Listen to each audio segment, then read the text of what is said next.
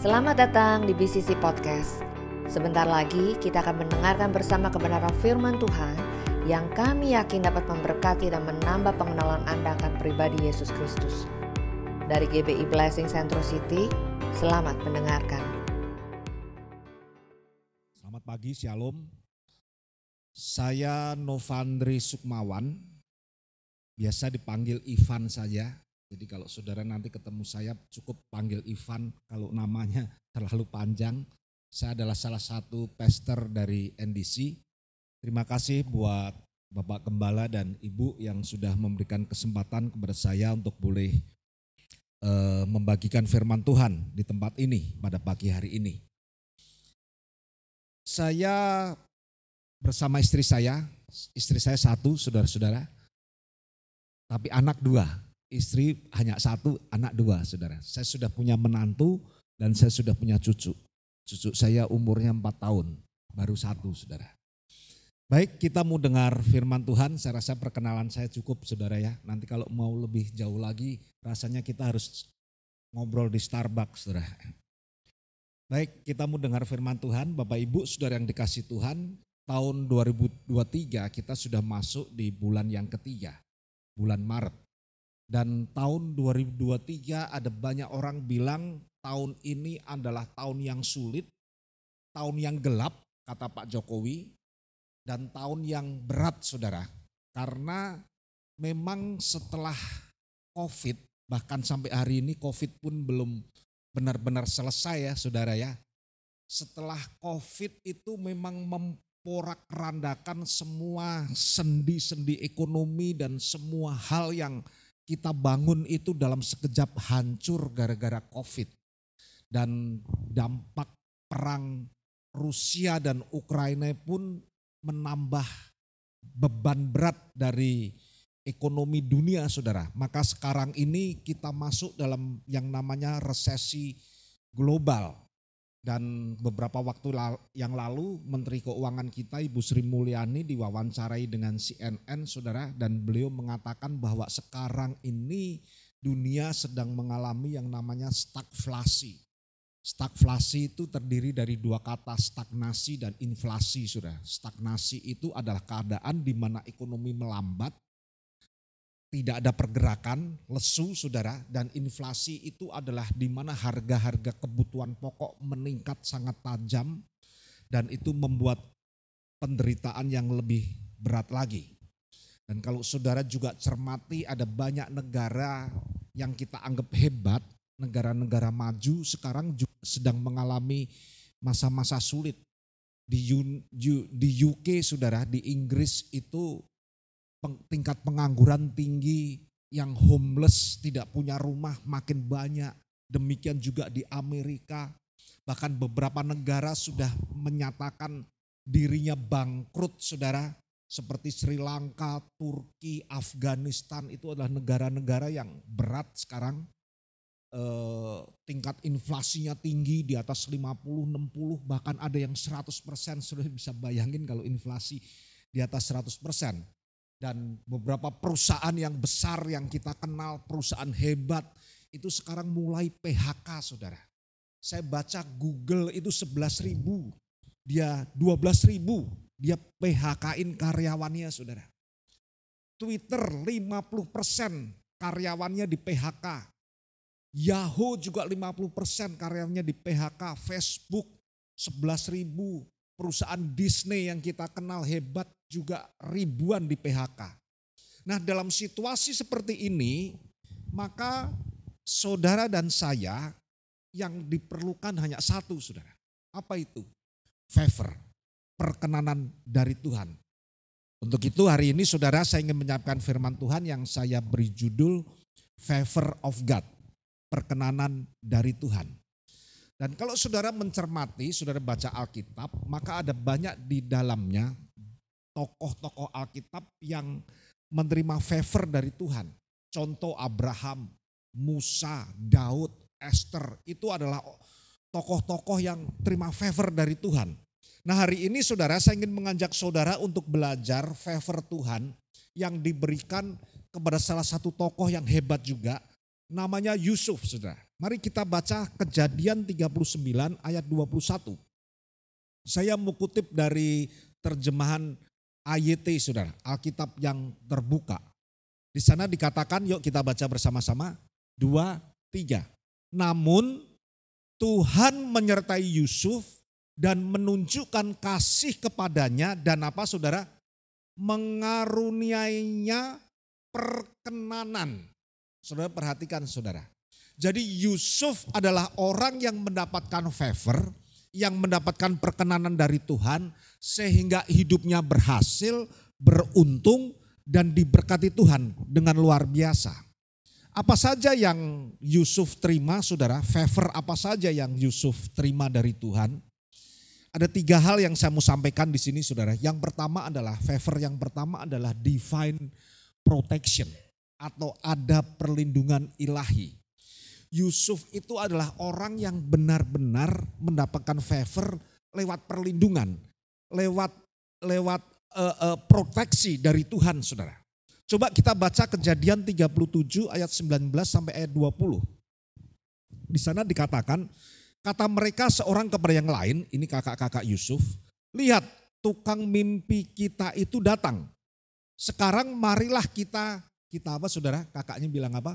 Bunuh dia dan kita lemparkan ke dalam salah satu sumur ini, lalu kita katakan seekor binatang buas telah menerkamnya. Jadi Yusuf seperti yang saudara-saudara ketahui, dia dibenci sama kakak-kakaknya. Karena dibenci maka kakak-kakaknya melakukan pemufakatan saudara untuk membunuh Yusuf saudara.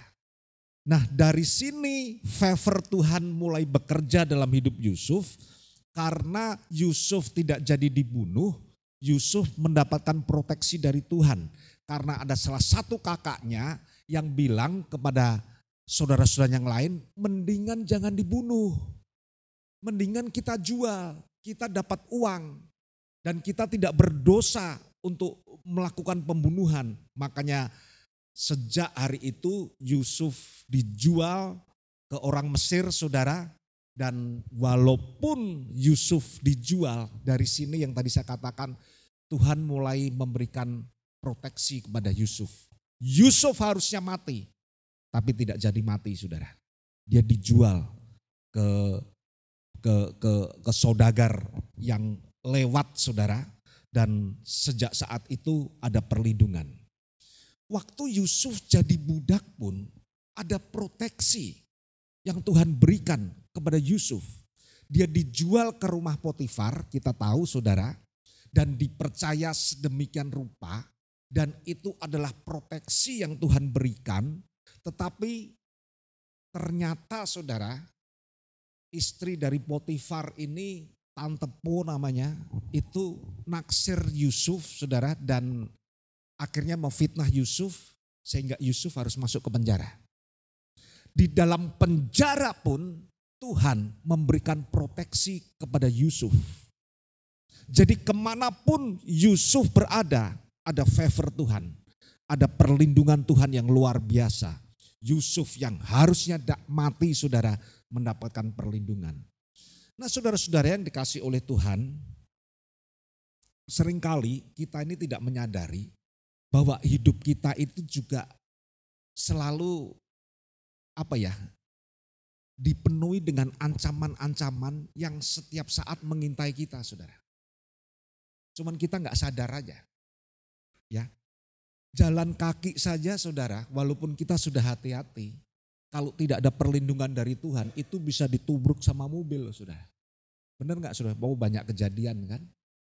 Ya, apalagi kita bawa mobil di Jakarta lagi, saudara. Pak saya sudah hati-hati pak bawa mobil. Kitanya hati-hati. Kalau orang lain gak hati-hati tabrakan juga saudara. Sama. Jadi ada banyak ancaman yang mengintai kita saudara. Mungkin saudara masih ingat beberapa waktu lalu viral saudara di balik papan. Itu lagi di jalan lampu merah berhenti.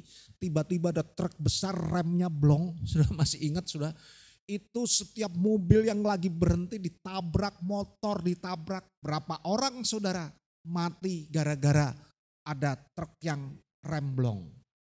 Saudara juga mungkin masih ingat kejadian tol Cipularang ada mobil kontainer yang keseimbangannya kalah saudara.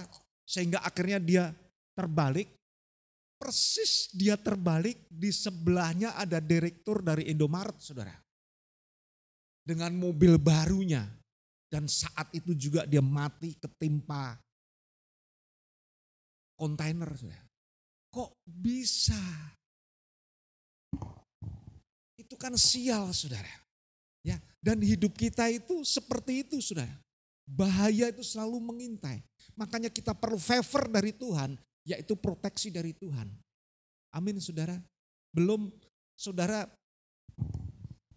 di Indonesia saja itu ada jutaan yang yang terpapar terpapar COVID sudah. Ada 7 juta mungkin. Ya, saudara pernah kena COVID? Ada yang pernah kena COVID di sini? Ada ya. Tapi ada yang enggak juga ya. Saudara pernah berpikir enggak, kenapa kok saya enggak kena COVID ya, yang lain kena COVID. Bukankah itu perlindungan dari Tuhan? Kalau toh ada yang kena ya Bu ya, kena COVID, ratusan ribu mati loh. Tapi kok kita masih hidup? Saya pernah kena sudah, dua kali juga saya kena. Kok masih hidup? Bukankah itu proteksi dari Tuhan? Amin saudara. Yang kita perlukan dalam hidup ini hanya favor dari Tuhan, yaitu proteksi ilahi. Tahun 2021, saya ini di rumah bertiga saudara, karena kan anak saya yang laki udah rumah tangga, dia nggak nggak nggak nggak bareng tinggal sama saya. Jadi saya tinggal dengan anak saya yang nomor dua, wanita saudara. Bertiga tahun 2021 kena COVID. Dan itu masa-masa yang sulit sudah. Rumah sakit full, orang masih ketakutan, cara ngobatinya pun nggak tahu bagaimana. Nah yang pertama kali kena itu istri saya saudara. Saya bawa ke dokter dikasih obat tapi ternyata obatnya nggak cocok. Makin hari makin sulit untuk bernafas. Akhirnya saya paksa dia saudara untuk masuk ke rumah sakit walaupun cari rumah sakitnya susahnya minta ampun saudara. Saya ditolongin oleh satu teman yang besannya saudara itu punya rumah sakit. Untung saudara dan akhirnya diterima itu di Tangerang saudara. Dan saudara tahu istri saya masuk rumah sakit berapa hari kemudian itu bukannya tambah sembuh tambah parah saudara. Nafasnya sulit. Saya pun akhirnya masuk ke rumah sakit yang sama beberapa hari kemudian. Beberapa hari kemudian anak saya pun akhirnya nyusul. Saudara. Jadi kita bertiga masuk rumah sakit. Tapi yang saya saksikan istri saya itu saudara. Di hari keberapa itu harus dibawa ke ICU. Karena udah kesulitan bernafas. Suster tiba-tiba masuk ke kamar saya. Saya walaupun kamarnya seberangan tuh gak boleh. Gak boleh nengokin saudara Wah suasananya mencekam COVID pada saat itu saudara. Suster masuk, Pak, Ibu sebentar saya bawa ke ruang ICU ya. Saya kaget. Wah sus, kenapa? Saya bilang, waktu lihat saya kaget, susternya juga ikut kaget saudara. Nah itu saya kan namanya lagi sakit kan saudara lagi baring-baring. Tiba-tiba ini suster nggak pakai judul, nggak pakai apa pun, tiba-tiba ngomong begitu. Pak, Sebentar ibu saya bawa ke ICU ya, kan kaget kan saudara ya. Waktu saya kaget, susternya juga ikut kaget. Dia bilang, oh enggak pak, supaya kalau di ICU bisa dipantau dengan baik. Memang nafasnya ibu, saturasinya itu udah kepala 8 sudah. Saturasi umum itu kan 95 ya. Kalau udah di bawah itu, itu berarti udah sulit untuk bernafas. Lima hari di ICU dan harus dikasih obat yang namanya apa sih itu saudara? Satu 10 mili itu harganya 9,8 juta saudara. Dan harus sehari dua kali selama lima hari. Artinya suntikan itu toh udah hampir 100 juta. Hanya untuk membantu pernafasan. Tapi puji Tuhan saudara, 18 hari di rumah sakit, lima hari di ICU, sampai sekarang istri saya selamat saudara, hidup. Ya boleh kasih tepuk tangan sama Tuhan dan itu semua saya yakin karena ada favor dari Tuhan, ada proteksi dari Tuhan. Kalau saudara sampai hari ini masih hidup, sehat, bahkan bisa sampai di bulan Maret tahun 2023, itu karena Tuhan menyertai dan Tuhan memberikan favornya. Maka itu saudara dalam hidup ini yang perlu kita minta sama Tuhan adalah favor of God. Perkenanan dari Tuhan. Dan salah satu perkenanannya adalah proteksi ilahi.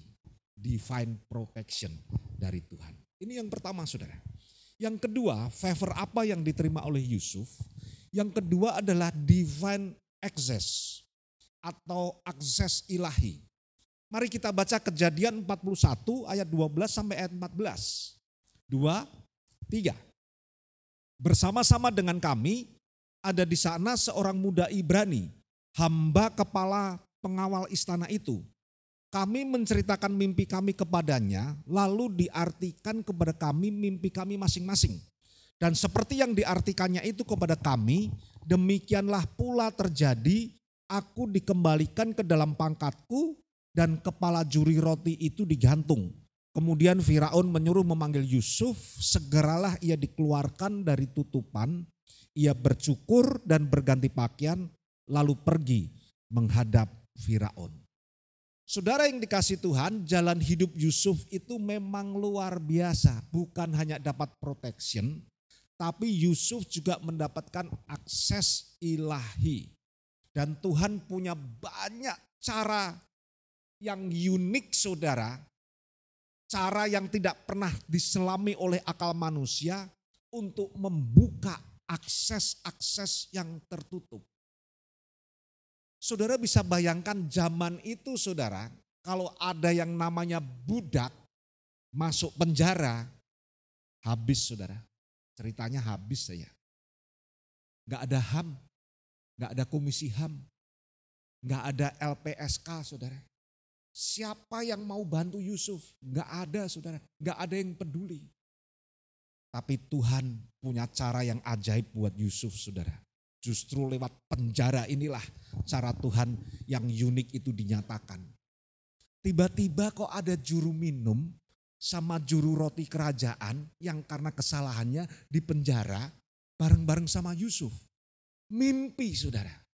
Dan mimpinya diartikan sama Yusuf persis dan terjadi apa yang dikatakan oleh Yusuf saudara. Dan akhirnya saudara lewat juru minum yang dikembalikan posisinya, dia memberitahu kepada Raja Firaun, di mana Raja Firaun juga bermimpi saudara, dan tidak ada satu orang pun yang bisa menerjemahkan arti mimpi dari Raja Firaun, juru minum ini ingat saudara, bahwa di dalam penjara ada orang Ibrani namanya Yusuf saudara, dia bisa mengartikan mimpi Raja Firaun. Maka akhirnya Yusuf dipanggil saudara. Menghadap ke Firaun. Dan arti mimpi Raja Firaun itu juga bisa diterjemahkan, bisa di, di, di, diceritakan dengan persis oleh Yusuf. Bukankah ini juga satu cara yang luar biasa saudara? Yusuf saudara dari penjara punya akses menuju ke istana. Dan itu adalah divine access. Akses ilahi yang diberikan Yusuf dari Tuhan saudara. Nah kalau saat ini saudara, saudara rasanya mentok, melakukan ini gagal, bisnis ini gagal, melakukan pekerjaan itu gagal. Maka yang saudara dan saya perlukan hanya satu, favor of God. Supaya akses-akses yang tertutup itu dibukakan oleh Tuhan. Yang setuju katakan amin saudara. Saya mau tunjukkan foto ini saudara. Bisa lihat saudara foto. Ini namanya Rita Gaviola dari Filipina saudara. Profesinya pengemis. Jadi satu hari ada seorang fotografer terkenal dari Filipina namanya Quinto, Quinto Burgos, saudara. Ini fotografer terkenal. Dia sedang mengekspos satu daerah di Filipina di bantaran kali yang penduduk di sekitarnya itu miskin-miskin saudara. Jadi cepretannya banyak dan salah satu cepretan dari Quinto Burgos ini adalah foto ini saudara.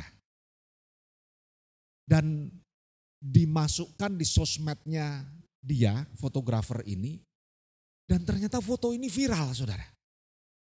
Kenapa viral? Karena waktu orang melihat fotonya Rita Garviola ini saudara, banyak yang ngomong bahwa Rita ini punya kecantikan yang misterius. Nah saya jangan tanya sama saya saudara, kecantikan yang misterius itu seperti apa? Karena itu artikel yang saya baca seperti itu saudara. Ya. Kecantikannya misterius. Dan akhirnya saudara, ada banyak orang yang membantu Rita, mengupgrade Rita saudara. Dan akhirnya Rita itu oh, oh, bisa menjadi model dari berbagai merek produk yang terkenal, diundang di acara TV saudara, dan Rita akhirnya sekarang menjadi top model Filipina yang harga bayarannya paling tinggi di Filipina. Itu yang namanya from nothing to something. Kenapa saudara? Kalau Tuhan buka akses, maka tidak ada satu orang pun yang bisa menghalangi. Tuhan kasih berkat yang begitu besar dan begitu luar biasa. Amin. Boleh ditampilkan foto-foto yang lain? Tuh saudara. Ini jadinya Rita sekarang. Makanya Pak, kalau ada bapak-bapak di sini, kalau istrimu suka foto, jangan diomelin. Ya, malah disupport. Siapa tahu bisa jadi top model Gang Macan awalnya kan. Habis itu Jakarta. Siapa tahu ya karena bagi Tuhan tidak ada yang mustahil. Yang setuju katakan amin kita kasih kemuliaan buat nama Tuhan saudara. Sama seperti Musa saudara. Musa itu juga mirip seperti yang dialami oleh Yusuf. Bukan hanya dapat protection, tapi juga dapat akses. Mungkin saudara masih ingat bagaimana bayi Musa saudara, di mana anak itu harusnya dibantai, dibunuh semua. Tapi oleh ibunya Musa itu di di di di apa ya saudara namanya ya? Di di ditaruh di sungai Nil kan? Ya. Masih baby dan ditemukan sama putri Firaun akhirnya ditinggal di istana. Itulah yang namanya divine access saudara. Akses ilahi yang Tuhan berikan. Ya, jadi hari ini saudara kita minta sama Tuhan tahun 2023 di mana orang katakan tahun yang berat, tahun yang gelap. Tapi kalau Tuhan kasih akses kepada kita, maka ada akses-akses baru. Jalan yang tertutup akan dibukakan.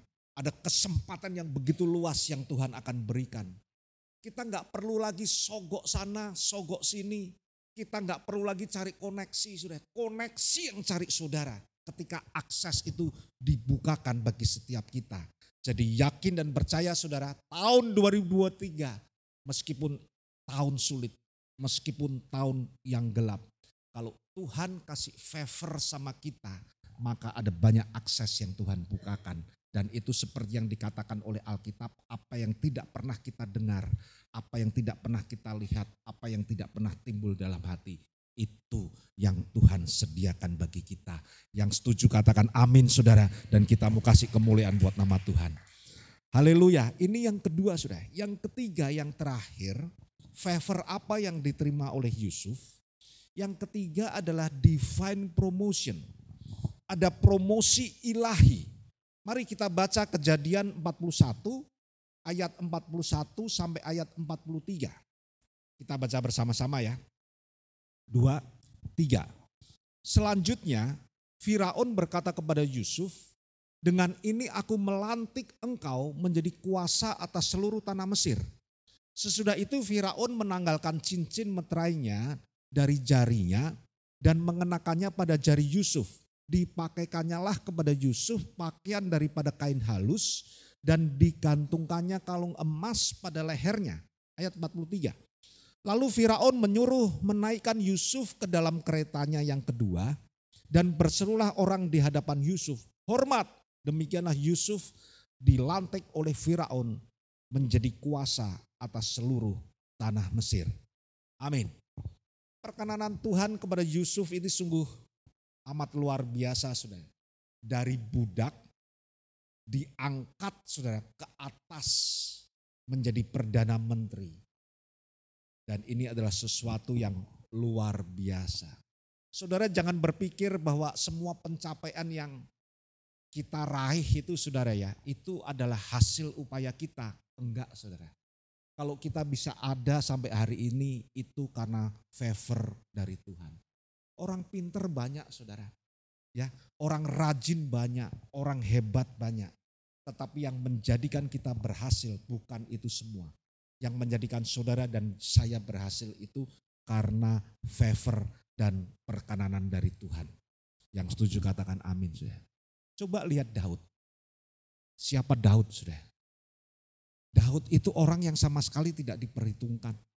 Latar belakangnya hanya sebagai gembala domba mending dombanya ratusan atau ribuan domba. Enggak saudara. Alkitab katakan domba yang di, di, dipelihara oleh Daud itu hanya dua tiga ekor saudara. Nothing. Enggak ada artinya. Ya, tapi Tuhan pilih Daud untuk, untuk jadi raja. Bahkan orang tuanya sendiri melupakan Daud. Sudah, sudah masih ingat ketika Nabi Samuel diminta sama Tuhan untuk mengurapi anak Isai untuk jadi raja. Itu kan perintahnya Tuhan kepada Samuel kan gak begitu jelas. Dia cuma disuruh datang ke rumah Isai, urapi anaknya Isai untuk jadi raja. Maka Samuel juga datang kepada Isai, ke rumah Isai. Dia datang, Isai panggil anakmu Aku akan mengurapi anakmu untuk menjadi raja Israel. Nah Isai juga bingung saudara. Maka yang dipanggil adalah anaknya yang pertama. Namanya Eliab. Dan Alkitab berkata apa saudara? Eliab itu ganteng, gagah, perawakannya tinggi, six pack. Yang terakhir itu tambahan dari saya saudara. Sampai Samuel itu terpesona loh saudara. Sudah nanti baca. Sampai Samuel, aduh ini nggak salah ini Tuhan. Pilih Eliab anaknya Isai. Memang kalau dilihat tongkrongannya sih cocok jadi raja. Tapi Tuhan bilang apa? Bukan, bukan dia. Maka Samuel bilang sama Isai, bukan Eliab. Panggil anakmu yang lain keluar saudara. Anaknya yang kedua namanya siapa saudara? Abinadab kan? Juga Alkitab berkata apa? Hebat Abinadab. Abinadab ini sudah tegap, gagah, juga tinggi. Sudah. Tapi Tuhan juga bilang apa? Bukan. Keluar anaknya yang ketiga namanya Syama, bukan juga. Keluar satu persatu. Tuhan bilang bukan. Sampai akhirnya Samuel ngomong sama Isai kan, Isai cuman ini kah anakmu? Isai awalnya bilang iya loh. Tapi dia ingat, eh gue masih punya satu anak. Lagi angon, lagi lagi lagi angon tuh apa sih? Hah? Oh iya lagi mengembalakan. Lagi mengembalakan domba dua tiga ekor. Panggil Daud. Dan itu yang dipilih sama Tuhan. Diurapi oleh Samuel dan Daud jadi raja. Siapa Daud? Nothing, saudara. Tapi kalau Tuhan kasih promosi, saudara, dia angkat, saudara. Dari gembala menjadi raja Israel. Yang setuju katakan amin, saudara. Ya, jadi kalau Tuhan kasih favor, kita nggak perlu lagi sikut sana sikut sini, saudara. Kalau Tuhan kasih favor, kita tidak perlu lagi jilat sana, jilat sini, saudara. Malah bisa darah tinggi karena asin, saudara. Ya, nggak perlu, saudara. Kalau Tuhan kasih promosi, saudara, maka tiba-tiba apa yang tidak pernah kita duga itu terjadi dalam kehidupan kita. Yang setuju katakan amin, saudara. Maka dalam hidup ini yang perlu saudara dan saya minta kepada Tuhan hanya satu. Tuhan kasih aku favormu Tuhan. Tuhan kasih aku perkenananmu. Supaya ketika Tuhan memberikan favornya, dia berikan promosi.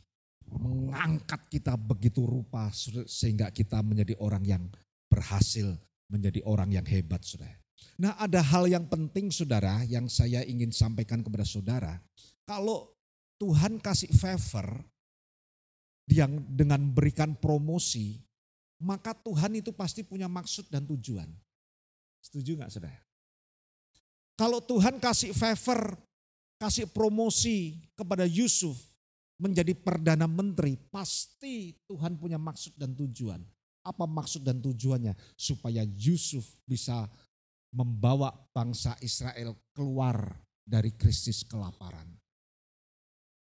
Kalau Tuhan kasih favor, promosiin Musa menjadi pemimpin bangsa Israel, pasti Tuhan punya maksud dan tujuan. Apa maksud dan tujuan Tuhan kepada Musa untuk membawa bangsa Israel keluar dari perbudakan Mesir? Amin, saudara. Kalau Tuhan kasih promosi, kasih favor kepada Yosua, pasti Tuhan punya maksud dan tujuan. Apa maksud dan tujuannya? Supaya Yosua bisa membawa bangsa Israel masuk ke tanah perjanjian, tanah Kanaan yang melimpah dengan susu dan madu. Jadi saudara, kalau Tuhan kasih favor kepada kita, kepada saudara, pasti Tuhan punya maksud dan tujuan. Amin. Makanya saudara jangan pikir, jangan minta favor sama Tuhan lalu berpikir kalau Tuhan kasih favor itu akan saya habiskan, akan saya nikmati untuk darah untuk saya sendiri. Saudara akan kecewa. Karena kalau Tuhan kasih favor kepada saudara, pasti Tuhan punya maksud dan tujuan. Apa maksud dan tujuannya? Supaya lewat hidup saudara, hidup saudara jadi berkat bagi banyak orang dan nama Tuhan dimuliakan. Itulah favor yang Tuhan berikan dalam hidup saudara. Nah saya mau tutup dengan ini saudara. Apa yang menyebabkan favor Tuhan diberikan kepada Yusuf, kepada Musa, kepada Yosua, kepada Daud, kepada Nuh, dan lain sebagainya saudara. Apa yang menyebabkan favor Tuhan diberikan kepada mereka? Yuk kita lihat keluaran 33 ayat 17. Saya kutip dari versi bis. Yuk kita baca ya. Ini ayat yang terakhir. Kita baca dengan suara yang keras saudara. Dua, tiga. Kata Tuhan kepada Musa, permintaanmu akan kukabulkan sebab aku mengenal engkau dan aku berkenan kepadamu. Saudara perhatikan ayat atau kalimat yang saya kasih warna yang berbeda. Kata Tuhan kepada Musa, permintaanmu akan kukabulkan sebab, sebabnya ini yang penting saudara. Apa sebabnya? Aku mengenal engkau. Tuhan mengenal Musa. Karena Tuhan mengenal Musa dengan baik, maka apa yang diminta Musa itu dikabulkan. Itulah favor yang diberikan kepada Tuhan karena apa saudara? Karena Tuhan mengenal. Jadi ini rahasianya saudara, perkenanan Tuhan itu diberikan kepada mereka karena Tuhan mengenal mereka. Dan pengenalan ini hanya bisa terjadi ketika adanya sebuah hubungan bukan hanya sekedar hubungan, tapi hubungan yang intim, hubungan yang intens. Yang mengerti katakan amin sudah. Hubungan yang intim inilah yang menyebabkan kita ada selalu dalam hatinya Tuhan. Hubungan intim inilah yang menyebabkan nama kita selalu dikenal oleh Tuhan. Amin saudara. Dan pada waktu nama kita dikenal sama Tuhan, bukankah kalau ada sesuatu yang Tuhan akan berikan itu akan menjadi prioritas buat Tuhan karena dia mengenal saudara dan saya. Amin saudara. Maka itu saudara, kalau saudara dan saya mau mendapatkan favor dari Tuhan, perkenanan dari Tuhan. Tidak ada jalan lain kecuali kita punya hubungan yang baik dengan Tuhan. Hubungan yang intens supaya dia mengenal kita. Kita mengenal dia dengan baik. Doa saya setiap saudara tahun 2023 walaupun orang bilang tahun sulit, tahun gelap, tapi doa saya setiap saudara mendapatkan favor dari Tuhan. Sehingga apa pun yang saudara kerjakan berhasil dan beruntung. Saudara terima mujizat, saudara terima pelipat gandaan, saudara terima percepatan, maka itu milikilah keintiman, milikilah hubungan dengan Allah supaya saudara dan saya dipagari dengan favor dan perkenanan Tuhan. Selamat mendapatkan favor dari Tuhan. Tuhan Yesus memberkati saudara semua. Terima kasih telah mendengarkan BCC Podcast. Kami berharap firman Tuhan hari ini memberkati dan menguatkan Anda lebih lagi. Untuk informasi lebih lanjut mengenai GBI Blessing Centro City, Anda dapat mengaksesnya melalui Instagram at Blessing Centro City. Sampai bertemu di BCC Podcast minggu depan. Tuhan Yesus memberkati.